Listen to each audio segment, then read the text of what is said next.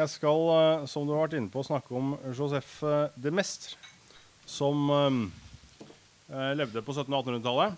Eh, jeg ble først oppmerksom på han da jeg leste denne beskrivelsen av ham i et essay av Isaiah Berlin. Og akkurat denne beskrivelsen må jeg ta på engelsk. Sitat. A fanatical monarchist and a still more fanatical supporter of papal authority.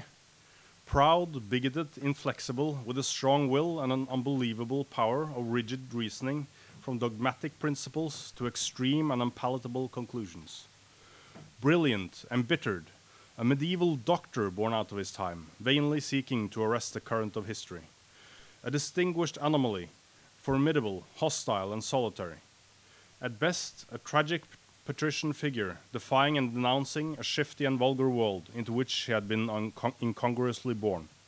At worst, an unbending, self blinded diehard, pouring curses upon the marvelous new age whose benefits he was too willful to see and too callous to feel. Sitat slutt. Jeg falt pladask.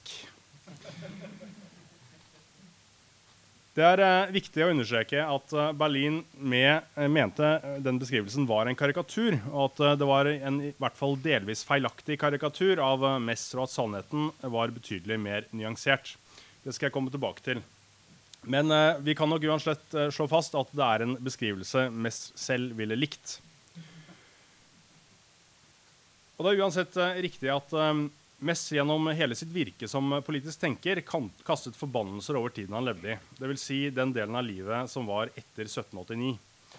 Og han var eh, helt frem til sin død i 1821 en av de fremste kritikerne, ikke bare av den franske revolusjon, men også av hele den tankeverden og hele den måten å tenke om politikk på som hadde vokst frem i Europa i løpet av 1700-tallet.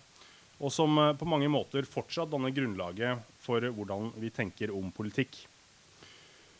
Og det var eh, de franske filosofs, fremfor alt eh, Voltaire og Rousseau, som var de fremste ofrene for hans penn.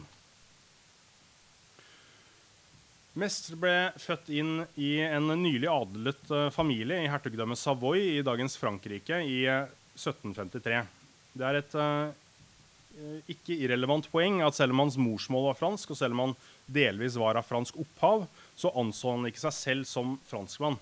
Han var hele tiden, eh, hele livet, en lojal undersått av kongen av Piedmont, Sardinia.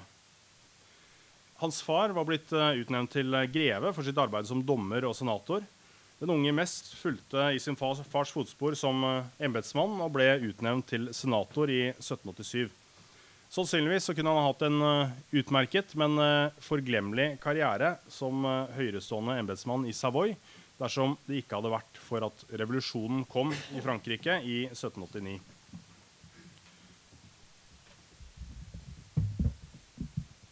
Takk.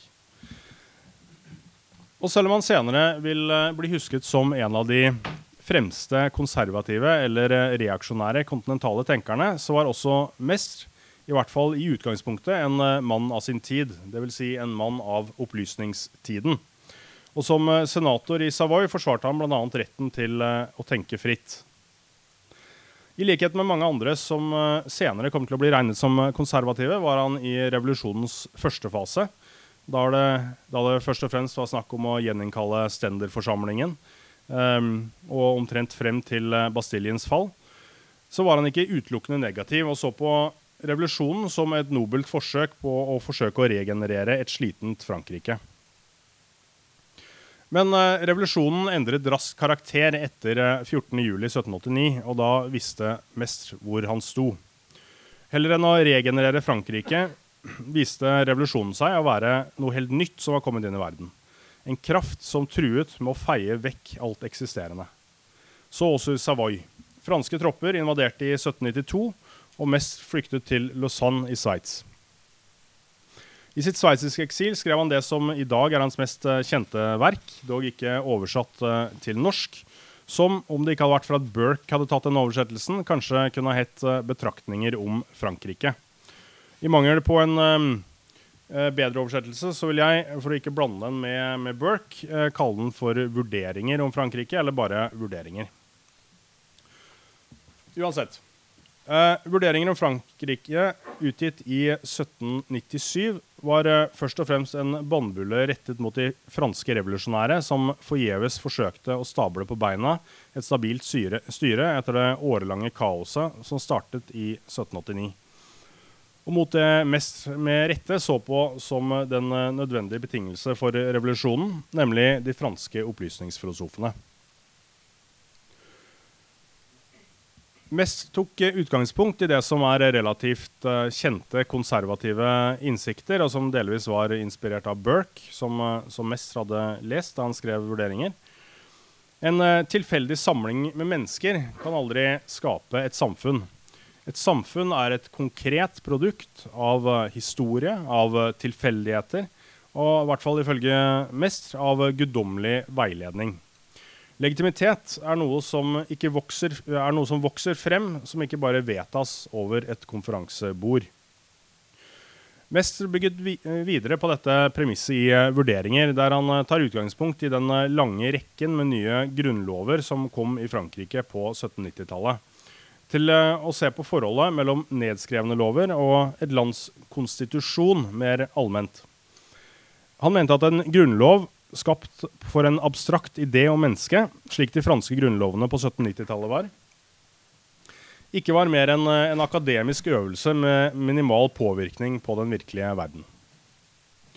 I en av eh, de mest kjente utdragene fra vurderinger skriver han at uh, han i sin tid har truffet franskmenn, italienere, og siden han har lest Montesquieu, så vet han at det også går an å være perser. Men denne abstraksjonen menneske som de franske grunnlovene som kom på 1790-tallet, angivelig var skrevet på vegne av, det hadde han aldri møtt. For et lands konstitusjon er eh, ifølge Mest ikke noe annet enn en oppsummering av eh, hvilke lover som ville passe et folk, basert på innbyggere, tradisjon, religion, geografi, de politiske omstendighetene, velstandsnivået og de gode og dårlige sidene ved et land. Nedskrevne lover blir i beste fall bare en beskrivelse av det som allerede eksisterer. I verste fall vil prosessen med å skrive de ned være, i seg selv være undergravende. Grunnlovene som fulgte den franske revolusjon i 1797, da Mest eh, skrev vurderinger, hadde det allerede vært tre, og den av 1795 skulle bare vare et eh, par år til, var eh, gode eksempler. Grunnlovene var eh, fulle av eh, gode ord om eh, menneskerettigheter, men de var irrelevante i et kaotisk Frankrike uten noen etablert autoritet. Med andre ord, det fins ingen riktig styreform som passer for alle. Og motsatt, en grunnlov skrevet for alle folkeslag passer ikke til noen. I en annen tekst, 'Studier om suverenitet', trekker han den logiske, men også relativistiske og utilitaristiske konklusjonen av disse premissene, og sier at den beste styreformen for hver nasjon er den som gjør det mulig å skape mest mulig lykke og styrke for det største antallet over den lengste tidsperioden. Hans eh, kritikk av de franske filosofene og encyklopedistene gikk altså eh, at de tok utgangspunkt i a priori-tenkning og i mennesket som et rasjonelt vesen. Der eh, Samfunnet var bygget på frie mennesker som sluttet seg frivillig sammen. Ifølge Mest, var mennesket overhodet ikke styrt av fornuften. Og det gikk derfor heller ikke an å bygge et samfunn på rasjonalistisk grunnlag med utgangspunkt i noen allmenngyldige prinsipper. Man måtte se på historien, på konkrete erfaringer, på omstendigheter, ikke resonnere ut fra aksiomer. Mennesket kan eh, ikke forme et samfunn fra, e, for eget forgodtbefinnende. En gartner kan eh, plante et eh, tre, vanne det, klippe det til på et utall forskjellige måter. Men vi ville aldri funnet på å si at gartneren skapte treet. På samme måte mente Mest at mennesker ikke på noen meningsfull måte skaper de samfunnene de lever i. Konstitusjoner det settet med felles normer, institusjoner, lover og regler som gjør oss til et samfunn, er ikke et resultat av drøfting og overveielser av folkets representanter. Samfunn eksisterer fordi de eksisterer. Samfunnskontrakten er dermed et uh, meningsløst begrep. I den grad det er mulig for eh, folk å komme sammen og skrive en felles grunnlov, så er det fordi de allerede er et samfunn. Intet folk kan gi seg selv frihet med mindre det allerede er fritt. Derfor vil også en nedskreven grunnlov i beste fall være overflødig. Jo mer som er skrevet ned, dess svakere er institusjonene. Når et samfunn reflekterer over seg selv og dets lover, så er det allerede ferdig formet. Mest siterer Hume, som skrev om forholdet mellom eh, parlamentet og kongen i den eh, engelske konstitusjonen, at det var That circumstance in the English constitution which is most difficult, or rather altogether impossible to regulate by laws, and which must be governed by certain delicate ideas of propriety. Det er den felles forståelsen av hva som er passende og upassende, som utgjør konstitusjonen. Det som er skrevet ned med blekk, er irrelevant.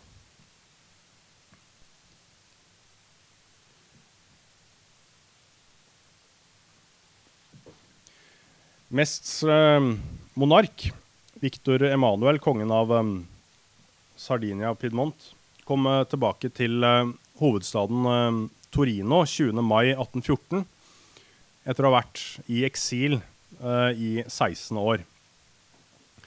Universitetet ble stengt samme dag. Dagen etter bestemte han at man skulle gå tilbake til lovene slik de var i 1770, som uh, bl.a. innebar en gjeninnføring av tortur. Han erklærte at han anså alt som hadde skjedd siden han ble kastet ut i 1798, som en lang, vond drøm, og som derfor ikke skulle ha noen konsekvenser i den virkelige verden. Han fant fram en gammel hoffalmanakk fra 1789 og gjeninnsatte alle i postene de hadde da, uten å sjekke om de fortsatt var i live. Parykker og rokokkostil ble gjeninnført ved hoffet, og alle som hadde en håndskrift som minnet om eh, en fransk utdanning, mistet jobbene sine. Victor Emanuel insisterte videre på at alle typer transaksjoner, inkludert kjøp og salg av eiendom, kontrakter og arv som hadde blitt gjennomført siden 1798, skulle anses som ugyldige. Han ble bare snakket bort fra dette av sine rådgivere, da de fikk han til å forstå at uh, statsapparatet i så fall ville bryte helt sammen. På den annen side fikk han gjennomslag for at uh, alle, var, uh, alle, barn som var født de siste 16 årene i ekteskap som var inngått etter de sekulære lovene som Frankrike hadde med seg, skulle bli erklært som bastarder. Victor Emanuel var med andre ord en reaksjonær i ordets aller strengeste forstand. Han ville skru klokken tilbake, og han ville at alt skulle være akkurat slik de hadde vært før. Det er en uh, nyttig kontrakt, uh, kontrast til uh, Mest, som ofte får merkelappen reaksjonær, også i reklamen for dette foredraget. Og han var kanskje reaksjonær i den betydningen av at hans filosof var en reaksjon på og en reaksjon mot den franske revolusjonen. Mest hadde imidlertid et betydelig mer realistisk syn på revolusjonen og dens konsekvenser enn det hans konge hadde. Mest forsto at uh, den var ugjenkallelig, at å kjempe mot revolusjonen var, som han formulerte det fra sitt uh, eksil i Sveits, som å forsøke å tømme Genévesjøen med en flaske. Man kunne aldri komme tilbake, og man var nødt til å bygge opp noe nytt. Som jeg var inne på i eh, åpningen av uh, dette foredraget, så er det på sin plass å nyansere bildet av Mest som en figur ut av middelalderen. Han var uh, utvilsomt uh, dypt kristen og argumenterte for at paven var ufeilbarlig. Samtidig var han frimurer med det det innebar av uortodokse ideer som Vatikanet eksplisitt fordømte. Han siterte også overraskende lite fra Skriften, og argumenterte på opplysningstidens egne premisser, heller enn å bruke eh, argumenter som var direkte religiøse. Han var skeptisk til vitenskapens hang til å sette et nådeløst lys på, på alt, men mente samtidig at katolisismen var den eneste religionen som lot seg forene med moderne vitenskap. Og En interessant detalj fra, fra, bakgrunnen hans er at han, i likhet med skikkelser som Cicero og, og Burke, eh, ikke var fra en gammel aristokratisk familie.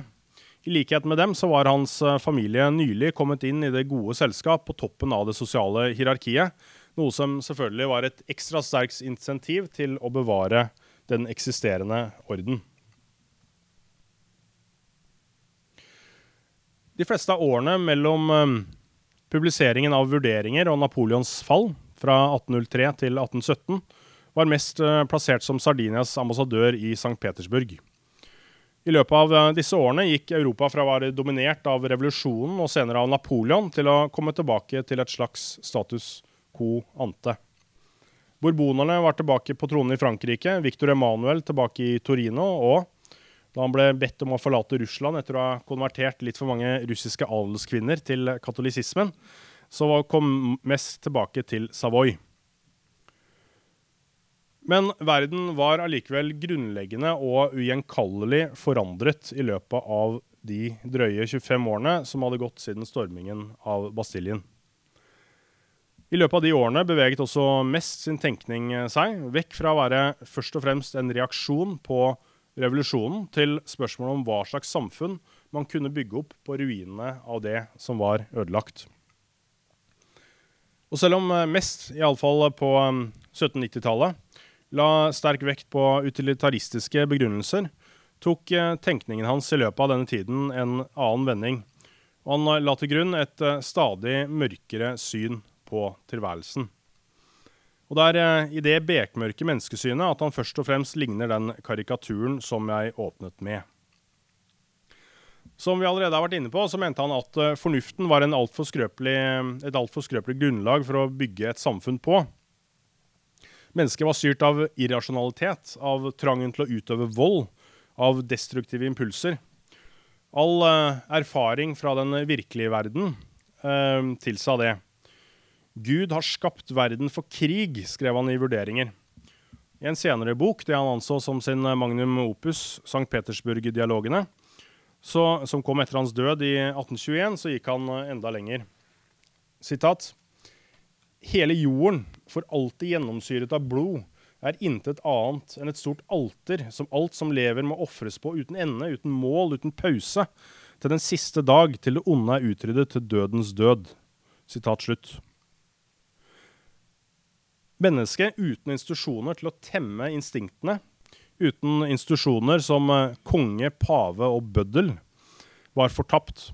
Det falne mennesket måtte derfor underlegges det han omtalte som en hard autoritet for å holdes i sjakk. Rousseau skrev at uh, mennesker er født fritt, men overalt går de i lenker. Mest som uh, leste Rousseau veldig nøye, kommenterte tørt i en uh, klassisk formulering at det var omtrent like meningsfullt som å undre seg over at sauer født som rovdyr overalt spiser gress.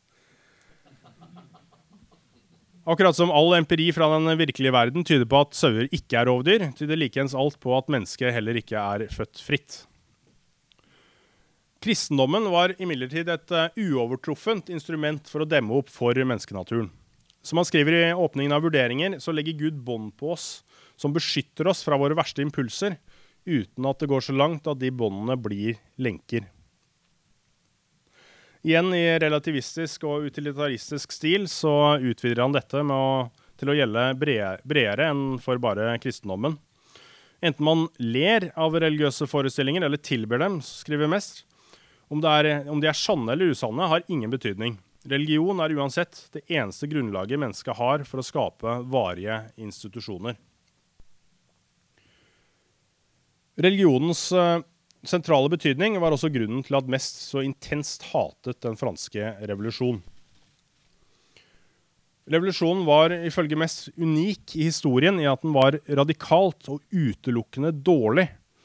Ikke et eneste lysglimt brøt igjennom revolusjonens mørke hjerte. Det var ren urenhet, som han skrev. Dette var fordi den hadde frigjort, eller i det minste hadde som mål å frigjøre, mennesker fra nettopp de religiøse båndene som eh, holdt menneskenaturen i sjakk. Revolusjonen var eh, en direkte utfordring mot Gud, en monstrøs og satanisk forbrytelse, som han kalte det, samtidig som den var en allmektig Guds straff mot en syndig verden. Når menneskenaturen ble frigjort fra de religiøse forestillingene som båndla den, så ville mennesket også bli det første offer.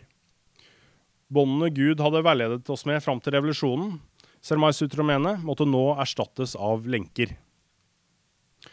Og her eh, fremstår mest som uh, Dostojevskijs uh, storinkvisitør. Han som i Dostojevskijs fortelling fengsler den gjennomståtte Kristus og anklager ham for å ha gitt mennesket en frihet det ikke klarer å håndtere. Men samtidig som han intenst hater den franske revolusjonen, så er det in interessant å se hvem han reserverte sin største forakt for.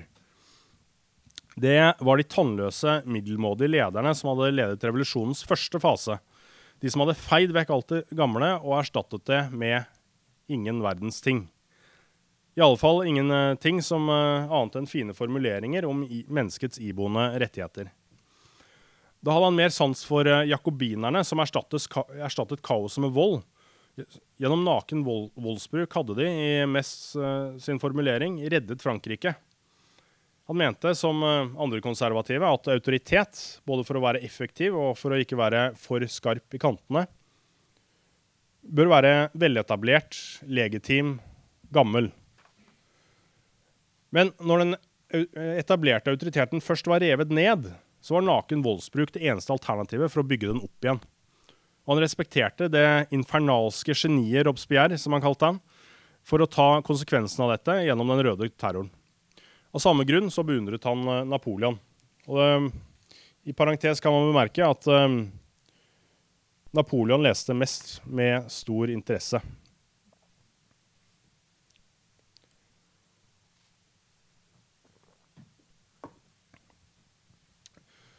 Forandre for å bevare.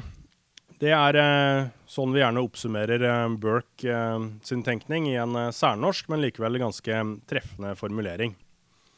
Og hva var mest sitt syn på forandring? Sannheten er at han hadde ganske lite å si om den. Um, I et av brevene sine om uh, den spanske inkvisisjonen Han uh, forsvarte den, selvsagt skriver han at uh, ja, det er fra tid til annen nødvendig med endringer, men det bør skje i så liten grad som mulig. Men hvordan kan man vite at noe er helt nødvendig, f.eks. For, for å unngå en revolusjon? Han avfeide mer eller mindre problemstillingen. Det er bare et problem for de politikere som er helt umusikalske, mente han. Samtidig utviklet tankene hans seg om hva man burde gå tilbake til. Utgangspunktet på 1790-tallet var at uh, han ville ha tilbake ene, det eneveldet som var legemliggjort av Ludvig den 14., parlamenter og lokale representative organer, slik han selv var medlem av i uh, Savoy, kunne gjerne videreføres som rene konsultative organer. Men det var helt unødvendig å etablere nye der det ikke, der det ikke allerede eksisterte gamle. Senere, da han så hvordan den eh, restaurerte Ludvig den 18. etter 1814 var eh, både uvillig og ute av stand til å gjeninnføre noe som lignet et enevelde, så endret han syn på det. I boken om paven fra 1817 skrev han at um, det var nødvendig med en upartisk overnasjonal instans som kunne mekle og avgjøre tvister mellom herskerne og deres undersåtter. Og det var selvfølgelig paven. Og her er det også verdt å peke på at han kunne ønske seg en, pave som kunne mekle innad i land, ikke mellom land. Krig mellom land var nødvendig for å få et organisert utløp for menneskets verste impulser. For Russlands del, som jo var hans andre hjemland i nesten 15 år, anbefalte han tsaren å fryse samfunnsutviklingen akkurat der den var, og frarådet ham, ikke overraskende, om å ikke skrive en grunnlov. I Europa hadde middelalderkirkens innflytelse vært så sterk, mente mest, at eh, den kunne eh, tillate seg å avskaffe slaveriet. Russland eh, derimot var en barbarisk nasjon, og hvis man avskaffet livegenskapen, så ville landet bli kastet ut i kaos.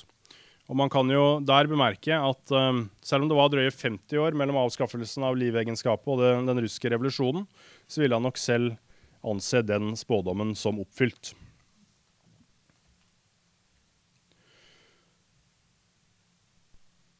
Jeg skal begynne å gå inn eh, for eh, landing. Er det mulig å være maestrianer i dag? Svaret på det spørsmålet mener jeg åpenbart er nei. Til det er han eh, for nært knyttet opp mot tiden han levde i, og for nært knyttet opp mot katolisismen, spesielt for oss protestanter her i Nord-Europa.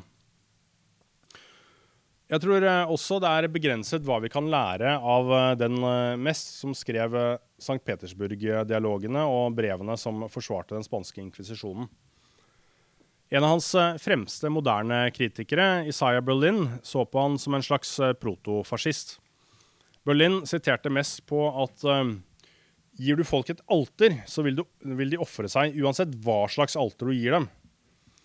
Mest forsto at uh, det er mer i menneskenaturen enn bare en hedonistisk higen etter et godt liv, noe som var en helt sentral innsikt. Men, mente Berlin, hvis mennesket virkelig var så ille som eh, mest uh, fremstiller det, så ville man ikke ha noe annet valg enn mellom kaos på den ene siden og hard, brutal autoritet på den andre. Men mest så konsekvent bare menneskets verste sider. Og som Berlin påpekte, på den måten speilte han de naive 1700-tallstenkerne som uh, han kritiserte så hardt. De som bare så det gode og de optimistiske delene av tilværelsen. Mestre var også et uh, offer for uh, sin snevre historieforståelse. Han var stolt av at han utledet sine konklusjoner fra historien, heller enn som 1700-tallstenkerne fra abstrakte prinsipper. Men så var jo også mye av det som fulgte i kjølvannet av den franske revolusjonen, noe genuint nytt. For å ta et eksempel. Han mente at noe slikt som en stor republikk hadde aldri eksistert før i historien, og Derfor så var det per definisjon en umulighet. USA, en nasjonenes baby, som eh, mest omtalte landet som i 1797, hadde da hatt to grunnlover bare de siste ti årene, så, og så derfor ut til å bekrefte snarere enn å avkrefte teorien hans. Samtidig så er det kanskje litt for lett å um, avvise mestre sine advarsler. Vi lever i en uh, verden som på mange vis, på svært mange vis, uh, er å foretrekke framfor Europa før revolusjonen. Men samtidig hadde Mess et viktig poeng da han skrev at uh, menneskeheten med den franske revolusjonen hadde sluppet løs krefter som den ikke kunne styre, noe den ville betale dyrt for. På samme måte som liberalismen vi lever med i dag, var et barn av den franske revolusjonen, så var også nasjonalismen, kommunismen og fascismen nettopp det. Det er lett å glemme at mellom Mest og uh, og så er det et sivilisasjonssammenbrudd uten sidestykke i europeisk historie. Kanskje med unntak av 30-årskrigen. Mest ville, iallfall eh, delvis med rette, tilskrevet det sammenbruddet nettopp troen på at mennesker, frigjort fra overtro, kunne skape verden på ny. Selv om uh, pendelen med mest svingte altfor langt i retning av en uholdbart pessimistisk og i siste instans urealistisk menneskesyn, er likevel, eller kanskje nettopp derfor, mest et nyttig korrektiv til dagens fokus på universelle rettigheter, som mange mener bør være gjeldende for alle, eh, til alle steder og alle tider. Mest mente at denne typen tenkning var latterlig. Forholdet mellom eh, borgerne og staten måtte være tilpasset et samfunns eh, historie og kultur, i tillegg til de utfordringene til enhver tid sto overfor. Med andre ord, rettighetene måtte tilpasses den konteksten samfunnet befant seg i. Engelskmenn kunne ha rettigheter, franskmenn kunne ha rettigheter. Til og med persere kunne ha rettigheter. Men menneskerettigheter, det ville ikke mest ha forstått. Og til sist så kan vi si at mest kan fungere som en advarsel til de av oss som regner eh, seg som konservative. Vi er eh, med rette skeptiske til liberalernes evinnelige søken etter tradisjoner, normer og strukturer å frigjøre seg fra. Og vi løfter igjen med rette en advarende pekefinger mot for raske samfunnsendringer. Vi minner om hvor ille det kan gå hvis det går feil, om hvor tynt laget mellom sivilisasjon og barbari er, hvor mye ondskap mennesker er i stand til å utrette hvis vi ikke bevarer og videreforedler den møysommelig oppbygde og skjøre sivilisasjonen vi har arvet fra forfedrene våre, og som altfor mange tar for gitt. Men hvis vi går for langt i den logikken, hvis vi får et for mørkt syn på tilværelsen og på menneskenaturen, så ender vi i grøften til mester. Og der venter han på oss, sammen med kongen, paven og bøddelen. Takk.